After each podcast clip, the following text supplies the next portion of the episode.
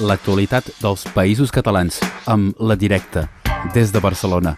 La Directa, diari digital per la transformació social. A Ràdio Arels. Establim connexió des de la redacció de La Directa, avui en companyia d'en David Bou. Bon dia, David.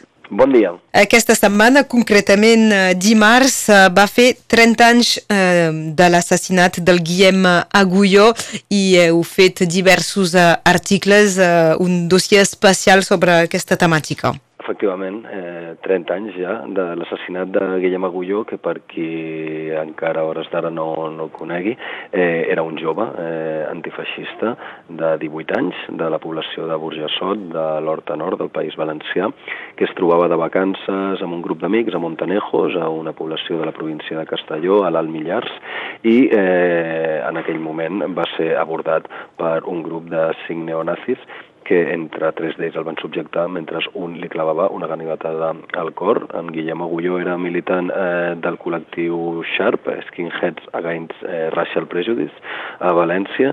Eh, també era militant de l'organització juvenil independentista Maulets, de l'esquerra independentista Maulets, i eh, bueno, en Guillem, a partir de, de, del seu assassinat, eh, va esdevenir un símbol eh, de lluita contra el feixisme, també per totes les peculiaritats que van envoltar eh, el posterior processament, eh, judici i condemnes dels neonazis que l'havien atacat. Ha esdevingut, eh, malgrat eh, tot, el, un, un, un símbol, eh, és, eh, fins i tot els que encara el 93 no, no estàvem en el moviment, eh, més endavant eh, és, és una figura que, que, que s'aprèn a, a conèixer i a defensar. Sí, efectivament, també amb això ha tingut un paper molt important la seva família, tant el, la seva mare com el seu pare com les seves germanes, no? que han reivindicat la figura del Guillem i que allà on se'ls ha convidat a parlar eh, i a explicar la història de Guillem eh, ho han fet. Eh, això ha fet també que,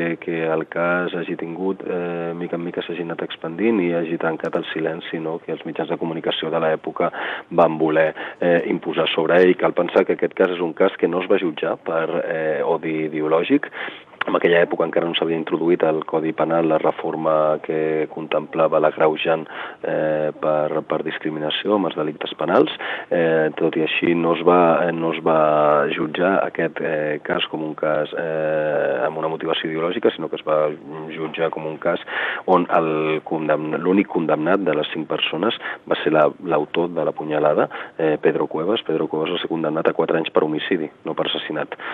Ai, a 14 anys, disculpeu. D'aquests 14 anys en van complir 4, efectivament, finalment en va complir 4, és el que va haver de pagar eh, per prendre la vida a un jove de 18 anys, 4 anys de presó. Aquest cas, eh, el que va succeir després és que amb el pas dels anys es va demostrant que, òbviament, com denunciaven des de l'inici la família i l'entorn d'en Guillem, eh, havia estat eh, un, un cas per motius polítics. És dir, el dia que el van matar eh, portava una, una dessuadora amb, amb, amb consignes, amb pagats i amb consignes eh, antifeixistes i ja el tenien eh, vist eh, els atacants eh, per València, eren del barri de Marxalenes de València, i ja el tenien vist en Guillem eh, per València, motiu pel qual van anar directament a, a buscar-lo amb ell i abordar-lo. Eh, posteriorment el que va succeir és que Pedro Cuevas, que va ser l'autor confés del crim i condemnat a 14 anys, va ser al cap d'uns anys detingut en el marc de l'operació Panzer. L'operació Panzer va ser una operació de la Guàrdia Civil eh, amb la qual es van detenir diverses eh, persones, una xarxa de més d'una vintena de neonazis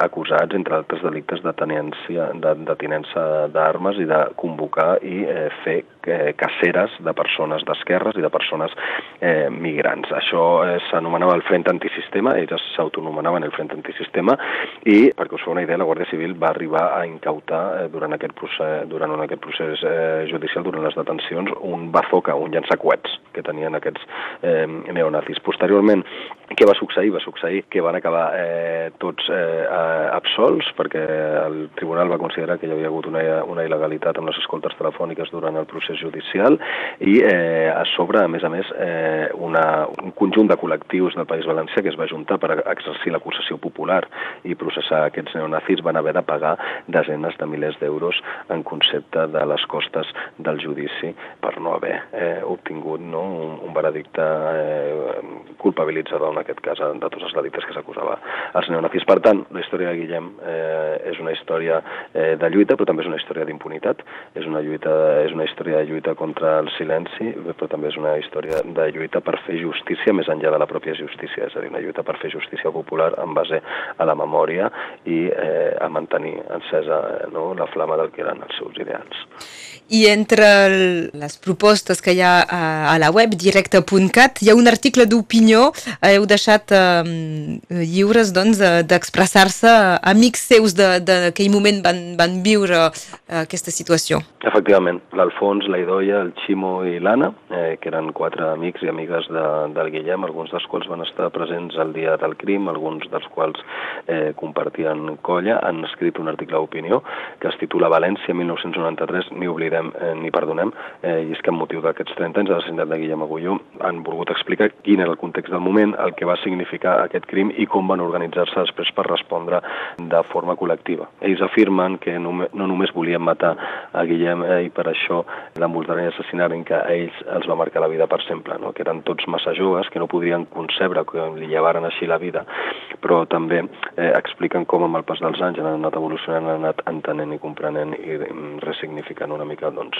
tot el que havia, el que havia succeït. Denuncien també que el ventall de polítics que criminalitzaven i justificaven l'acció de la policia irregular de la policia des de les institucions era molt ample, que es sentien desprotegides per totes les institucions i una mica expliquen aquest context de por que es vivia no, compartit per aquella generació als anys 90, eh, una generació que va haver d'enfrontar-se moltes vegades, sense voler-ho, als neonazis al carrer, però també a les forces i cossos de seguretat que en teoria estaven per vetllar eh, per ells, però que, eh, com denuncien, feien eh, més ajuda a les bandes de neonazis i a l'extrema dreta a vegades eh, que no pas eh, contenció. I seria fantàstic si el Guillem Agulló fos l'únic eh, cas, però, però malauradament no, no, és, eh, no és el cas. Efectivament, efectivament. Eh, hem publicat un article també on hem volgut recollir eh, els Guillem Agulló d'arreu d'Europa. És un article on hem volgut recollir cinc històries de militants antifeixistes que, com el jove de Burgesot, van perdre la vida a mans de neonazis, esdevenint un símbol de lluita més enllà dels seus respectius països d'origen. Per això hem comptat amb el Roger Suso, amb el Gutiérrez Sabrià, amb el Víctor Serri, amb el Miquel Ramos i jo mateix, eh, que hem, cadascun hem explicat un cas diferent, partint del cas de Guillem Agulló. Hem explicat el cas de Pablos Fisas, un raper assassinat l'any 2013 a Grècia per membres del partit neonazi Alba Daurada. Hem explicat el cas de Clement Meric, assassinat a l'estat francès eh, per, un, eh, per un neonazi d'origen espanyol, la a més a més, quan tenia 18 anys, aquest militant de l'acció antifascista de París, banlieu i sindicalista de Solidaris Estudiants. I hem volgut també eh, parlar del cas de Silvio Meyer, a Alemanya, un cas més antic, d'un any abans fins i tot que de Guillem Agunyó, que va ser assassinat l'any 1992 a, a Berlín. També del cas de Joan de Jan Cusera, a la República Txeca, aquest més recent, de l'any 2008, i finalment un cas molt conegut que enguany també s'han complert 20 anys de l'assassinat, ja que va ser el març de l'any 2003, que és el cas de Davide Dax Cesari, assassinat a Milà eh, a mans d'un uh, pare de família i els seus, i els seus fills d'ideologia neofeixista i seguidors de Mussolini. Sí, um, com dèiem a, a l'inici, hi ha gent que encara no, no coneix bé també el, el cas uh, de, del Guillem Agulló. Eh? Hi, ha, hi ha una pel·lícula que, que va sortir fa, fa pocs anys, La mort de Guillem, que, que també, si, si, si es pot trobar per internet, pot ajudar a entendre.